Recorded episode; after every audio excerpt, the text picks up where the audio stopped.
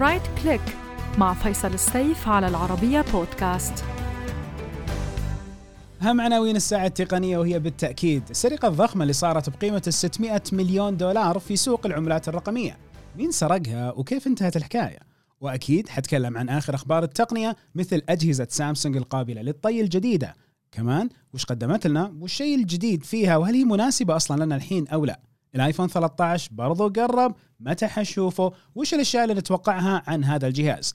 أيضا كن آمنا مع التقنية من خلال الحذر من المكالمات الدولية الغريبة. وكيف يسرقونك بالضبط؟ حلول لمشكلة امتلاء المساحة الداخلية في أجهزتنا الذكية بسبب تطبيق الواتساب.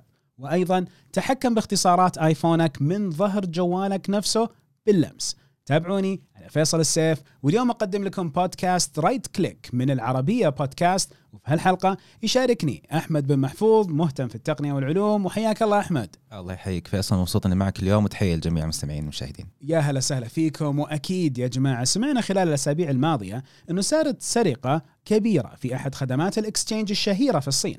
اسمها بولي تمت سرقة ما يعادل 600 مليون دولار. مبلغ مو بسيط ابدا. تقريبا هالمبلغ كله عمولات رقمية كلها صارت دفعة واحدة والرقم كبير جدا والسالفة أثرت على سوق العملات الرقمية بشكل مباشر وهالسوق أساسا سوق هش جدا وممكن بدون مبالغة تغريدة ترفعه وتغريدة تنزل من قيمة هذا السوق وبكل بساطة. وقبل ما أكمل موضوع السرقة أحمد اعطينا لمحة بسيطة كذا عن العمولات الرقمية. آه هو سوقها يعتبر مشابه جدا لسوق الأسهم فأي شخص يعني له في سوق الأسهم بيحس إن الموضوع مألوف جدا. آه الفرق هنا إنه الأسهم يعني واضحه الشركات الموجودة فيها لكن العملات هنا وضعها مختلف، أنت لازم تشوف كل عملة وش مشروعها بالضبط والمشاريع الموجودة مختلفة جدا. وفي نفس الوقت قبل أستثمر لازم تعرف ليش هذا المشروع أصلا جالس يصير لأنه في عملات كثير وجودها هو بس لأنها موجودة وفي احتمال إنها ممكن تختفي في أي لحظة لأنه أغلب العملات هذه ما نعرف مين الأشخاص اللي موجودين وراها. فالواحد لازم يكون حذر شوي. صدقت 100% وخليني أكمل السالفة وأقول إنه اللي صار إنه مخترق قدر يسرق المبلغ اللي ذكرته 600 مليون دولار. وبعدها بدأ المستخدمين بالتعاون مع خدمة بولي اللي هي صاحبة نفس تداول العملات الرقمية بالتواصل مع الجهات الأمنية المختصة بتعقب اللص. وقدروا فعلا أنهم يوصلون للص أو خلونا نقول قربوا يكتشفوا هويته بشكل كبير. والسبب في ذلك إنه هذه العملات صح إنها مشفرة لكن لما تصير عملية تحويل أو نقل أموال من جهة لجهة يظل في خيط صغير ممكن يقودكم للطرف الثاني ولو بعد شغلة طويلة حتوصل لها الخيط. والحرامي نفسه أحمد حتى لما حس إنه الجهات الأمنية قربت تمسكه وش سوى؟ راح بنفسه واعترف بهذه السرقة وراح بلغ إنه نعم سويت هذه الحركة وأنا عندي استعداد كامل إني أرجع هذه الأموال كلها. اللي سووه إنه قبلوا الأسف حقه أخذوا الأموال منه وكمان قدروا يعطوه وظيفة رايقه فهذه نقدر نقول سرقة ولكن سرقة تنتهي بالتوظيف. هذه ما قد سمعناها كثير. هي تحدث أحيانا في هذا المجال. اي شيء له علاقة بالأمر بالأمن السبراني؟ تحدث فيه هذه الأمور في العادة. عموما نرجع مرة ثانية ونقول إنه هذا السوق سوق هش. إحنا مو محللين ماليين يمكن في أشخاص يتحمسون مع الموضوع شيء فما ننصح يعني أحد إنه يستثمر أو شيء إلا على مسؤوليته هو. في أشخاص إنهم قدروا إنهم يدخلوا أرباح كبيرة من مبالغ بسيطة جدا وفي أشخاص قدروا يدخلوا أرباح كبيرة بمجازفة كبيرة. فإحنا ما ننصح بالمجازفه خصوصا في سوق زي هذا لا زال غير معتمد أو رسمي في أغلب الدول. صحيح ممتاز. وأيضا خلوني أقول لكم يا جماعة إنه دائما الربح الكبير يجي معاه مخاطر كبيرة جدا. مو شرط في سوق الأسهم والعملات الرقمية أنتم لو تركتوا وظيفتكم واستخدمتوا رواتبكم المجمعة في مشروع معين هذا أيضا يعتبر مخاطرة. وهنا نفس الفكرة. إحنا مو محللين ماليين وما نضمن لأحد شيء وما ننصح أيضا إنه يدخل باستثمار كبير في سوق الأسهم الرقمية. ودكم تجربوا التجربة من حقكم. ولكن تحملوا المخاطر والأشياء اللي تيجي معها. كن امنا مع التقوى. من وقت لوقت تجينا اتصالات غريبة من أرقام غريبة ومن دول ما نتوقع أساسا أنه يجينا اتصال منها وما نعرف أحد أصلا في هذه الدول. وش حكاية هذه الاتصالات؟ هي من الآخر محاولة تصيد أو تهكير أو سرقة بنسبة 99% يعني أنت عايش في بلدك مرتاح في حالك فجأة يجيك اتصال من كينيا أو المالديفز. معليش بس منطقيا مين ممكن يتصل فيك من هذه الدول إذا ما عندك أحد فيها؟ والمصيبة إنه يقول لك أنت ربحت مبلغ مالي كذا. وعشان نثبت لك فوزك فيه عطني المعلومات الفلانية. يعني لحظة كيف تفوزون واحد من بلد ثاني بعيد عنكم ما تعرفون عنه أي شيء؟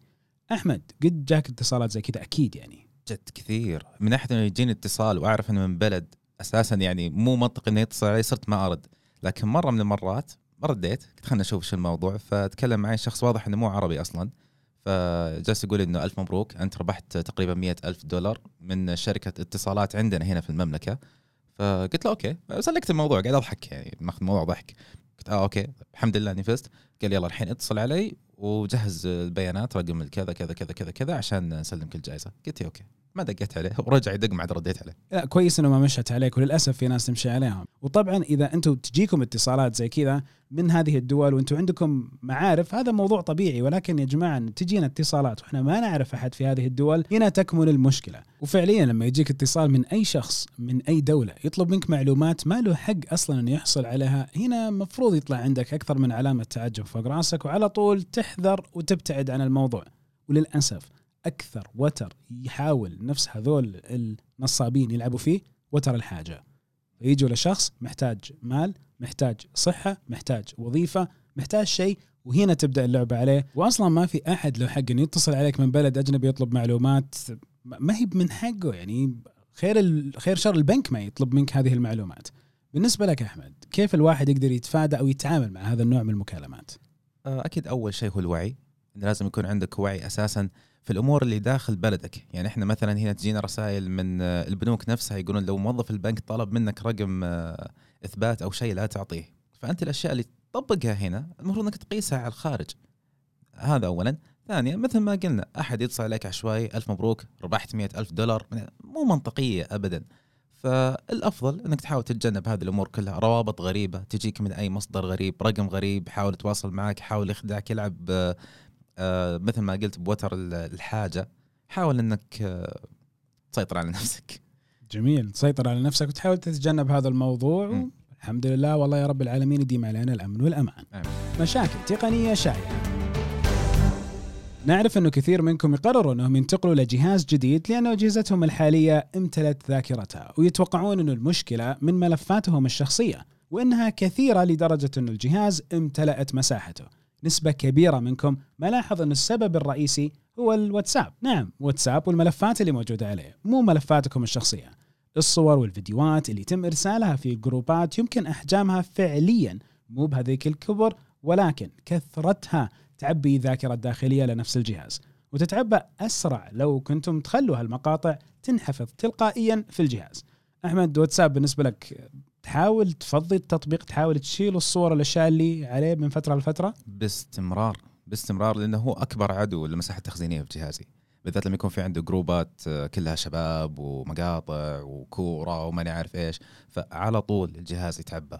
فأفضل حل أنا بالنسبة لي إنك ما تخلي المقاطع تحفظ على الجهاز على طول فأنت تشوف المقطع إذا تبغى تحفظ أو لا أو خلها تحفظ عادي لكن بشكل دوري ادخل على واتساب وشيل الملفات هذه. لأنه فعليا بالذات الفيديوهات تأخذ المساحة بشكل مرة كبير. واتساب معروف في هذا الشيء. صدقت. بالذات لما يكون الواحد موجود في أكثر من مجموعة هذه المجموعات أحيانا حتى نفس الفيديوهات يتم إرسالها فيها. م. لأنه فيديوهات الساعة تكون في الحديث.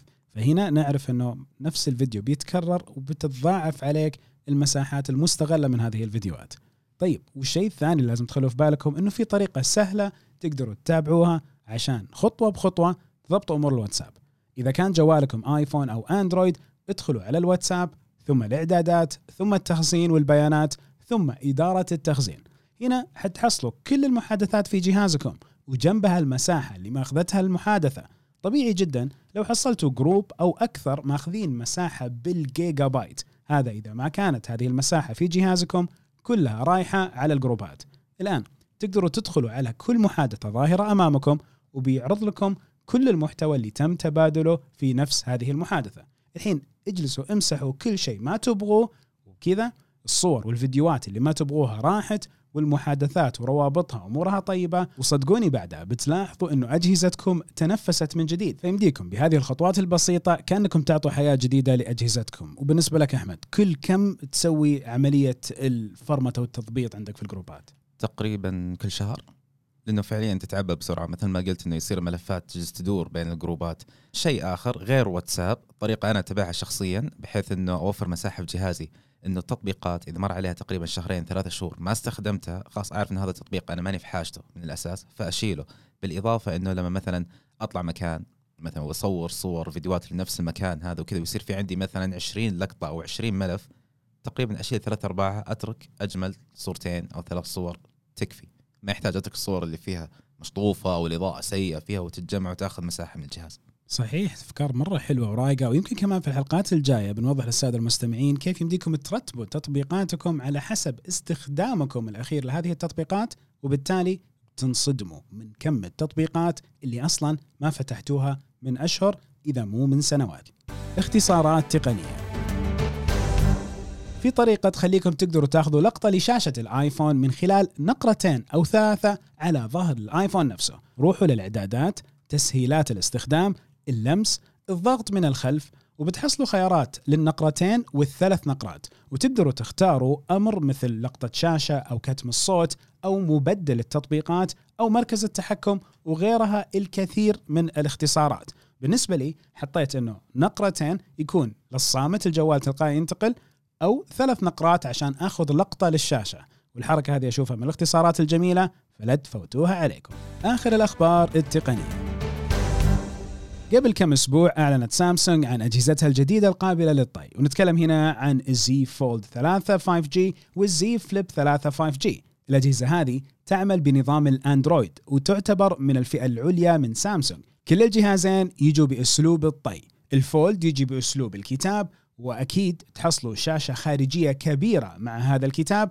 أما لو تكلمنا على الفليب فيجي بأسلوب الصدفة اللي هو زي الشيء الصغير كذا يطلع بشاشة كبيرة وهو مغلق يعطيكم شاشة صغيرة خارجية أكبر من الشاشة اللي كانت مع النسخة السابقة.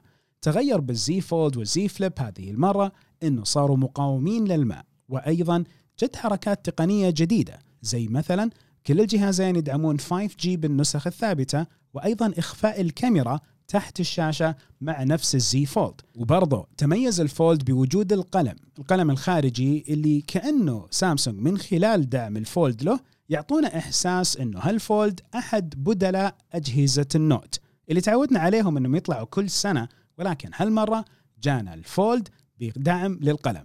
ولازم أقول لكم أنه القلم اللي يجي بنسختين. نسخة تدعم الفولد وبس ونسخة تدعم الفولد وباقي أجهزة سامسونج اللي أيضا تستخدم بالقلم. الأجهزة هذه بتتوفر في الأسواق في نفس وقت إطلاق هذا البودكاست. وبرضه لازم أوضح أنه لهم ألوان مخصصة في الأسواق وألوان خاصة موجودة من خلال موقع سامسونج نفسه. الفكرة أنه قيموا احتياجاتكم من ناحية هالأجهزة من منظوري التقني الشخصي. أقول أنه هذه الأجهزة صارت أفضل وأقرب للمستخدمين ولكن إذا كنتوا تبحثوا عن استثمار مستمر معاكم ويكون في محله يمكن هالأجهزة ما هي بأنسب شيء لكم في الجيل الثاني والثالث لها. نستنى كمان سنة سنتين ولعل يجينا فولد في خصائص ومزايا أقوى بإذن الله. أحمد الجهازين أنت اطلعت عليهم وشفتهم فإيش رأيك فيهم؟ أعتقد إنهم وصلوا لأعلى مرحلة نضج في هذه الفئة سواء كانت من سامسونج ولا من غيرها.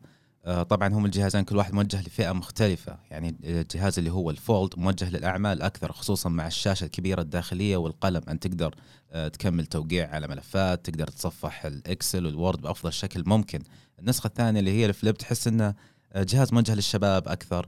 موجه إنه شيء فاشن أكثر خصوصا مع التصميم الجميل الشاشة الخارجية البسيطة القابله للتصوير السريع من الكاميرات الخارجية أمور كلها حلوة.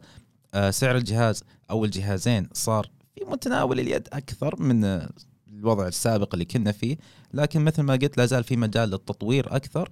بس نرجع نقول إنه إذا اليوم أي شخص يبغى أجهزة قابلة للطي أشوف هذول الجهازين هم الأنسب. وبرضه أحب أضيف إنه خلال السنوات القادمة ممكن نشوف شركات أكثر تتبنى الشاشات القابلة للطي. هي طلعت في الصين مرة مرتين ثلاثة من أكثر من شركة ولكن التبني العالمي من سامسونج جدا قوي. ومع شركات أخرى زي مثلا شركة آبل أكيد بيكون انتشار أضخم لهذه التقنية وأشوف لها مستقبل مرة ممتاز. وعلى فكرة ترى ابل وجوجل بيطلعوا أجهزة من هالنوع وكل المستمعين عارفين إنه إحنا في شهر سبتمبر. شهر سبتمبر يعتبر حديث العالم من ناحية التقنية مع الآيفونات الجديدة وإعلانها من شركة ابل موعودين هذه السنة بمؤتمر يكون مختلف تماما مع كم ضخم من الأجهزة يتم إعلانها من قبل شركة آبل سلسلة الآيفون 13 وأيضا السماعات الجديدة بالتأكيد ساعة بأسلوب مختلف في التصميم وكمان تقنيات أخرى موعودين فيها. أول شيء خليني أبدأ معاك وأقول لك أنه نعم في أجهزة جديدة من شركة آبل بس أنت من وجهة نظرك ودك إنه هالآيفون 13 يكون شيء مختلف عن الايفون 12 وتشوف هالشيء ممكن يصير؟ اللي أشوف إنها ما راح تكون مختلفة هذا السنة وفقا للتسريبات يعني أنا شخصيا أكيد أتمنى إن كل سنة تكون الأجهزة مختلفة وتتطور كثير لكن هذا الشيء صار جدا صعب في عالم الجوالات من الأشياء اللي نعرف إنها بتتغير الآن في الآيفون 13 إنه مثلا النتو اللي فيه الكاميرات بيصير أصغر الكاميرات الخلفية مساحتها بتصير أكبر لأنه أكيد بتجيب تقنيات أكثر. فلون جديد أيضا بطارية أكبر على كلامهم. آه، بصمة في الشاشة احتمال كبير ان ما نشوفها هذه السنة. ممكن نشوف نسخة البرو فقط. ففي إشاعات تروح تجي لكن في النهاية لما تنظر لها مو هذيك الفروق الجذرية اللي تخليك مثلا آه، تنتقل من الآيفون 12 للايفون 13 ممكن ال 14 السنة الجاية يكون هو المغري أكثر. أتوقع لو رجعت آبل لرتم نفس إنه ينزل جهاز وبعدين الجهاز أو النسخة المطورة من هذه الجهاز. نرجع لزمن 6 6 اس برضو ال 8 وبرضو ال 10 10 اس كان في أسلوب رايق بأنه الجهاز ينزل هذه السنة. السنة الجاية يتم تطوير بعض الأمور في الجهاز لأنه ما ننكر إنه الآيفون 12 كان مختلف تصميما وأيضا في كثير من الزوايا عن سابقاته من الأجهزة. بس في تقنيات متأخرة عنها آبل زي always on display وش هو التقنية؟ تقنية ال AOD كانت موجودة من زمان على اجهزه الأندرويد وهي الفكرة أنه لما يكون جوالك على الطاولة مثلا بدل ما تكون الشاشة سوداء بالكامل يكون هنا في بيانات ظاهرة على الشاشة تنبيهات ساعة أمور مثل هذه. أبل تشوف إنه جاء الوقت المناسب إنها تضيفها. وأيضا شفنا عند المنافسين من أجهزة الأندرويد تردد شاشة يصل لل 120 هرتز وتردد لمس يصل ل 360 هرتز وأبل للحين ما عندها 60 هرتز من ناحية الشاشة صح؟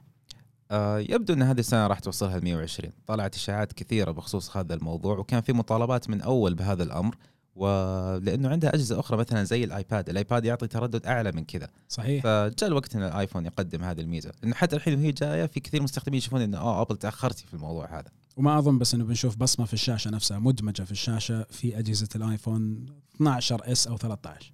ما أتوقع. هو حسب التسريبات إنه ممكن نشوفها على الفئات العليا نتكلم عن البرو والبرو ماكس أو انها بتندفع للسنة الجاية. وبالتأكيد بيجيكم خبر هذه الأجهزة وكثير من تفاصيلها مع الحلقة القادمة من بودكاست رايت كليك وخليني أوضح إنه في العادة في شهر سبتمبر يتم إعلان المؤتمر من شركة ابل اللي من خلاله يتم إعلان جديدهم من الأجهزة ومن ثم يتم طرح هذه الأجهزة في تاريخ محدد من خلال هذا المؤتمر لاحقا في الأسواق.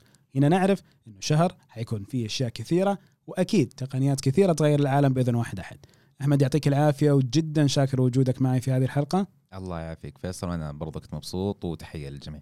وشكرا لكم جميعا. على متابعة بودكاست رايت كليك هنا على العربية بودكاست. كان معاكم فيصل السيف ونهاية الحلقة أشوفكم على خير بإذن واحد أحد. في أمان الكريم.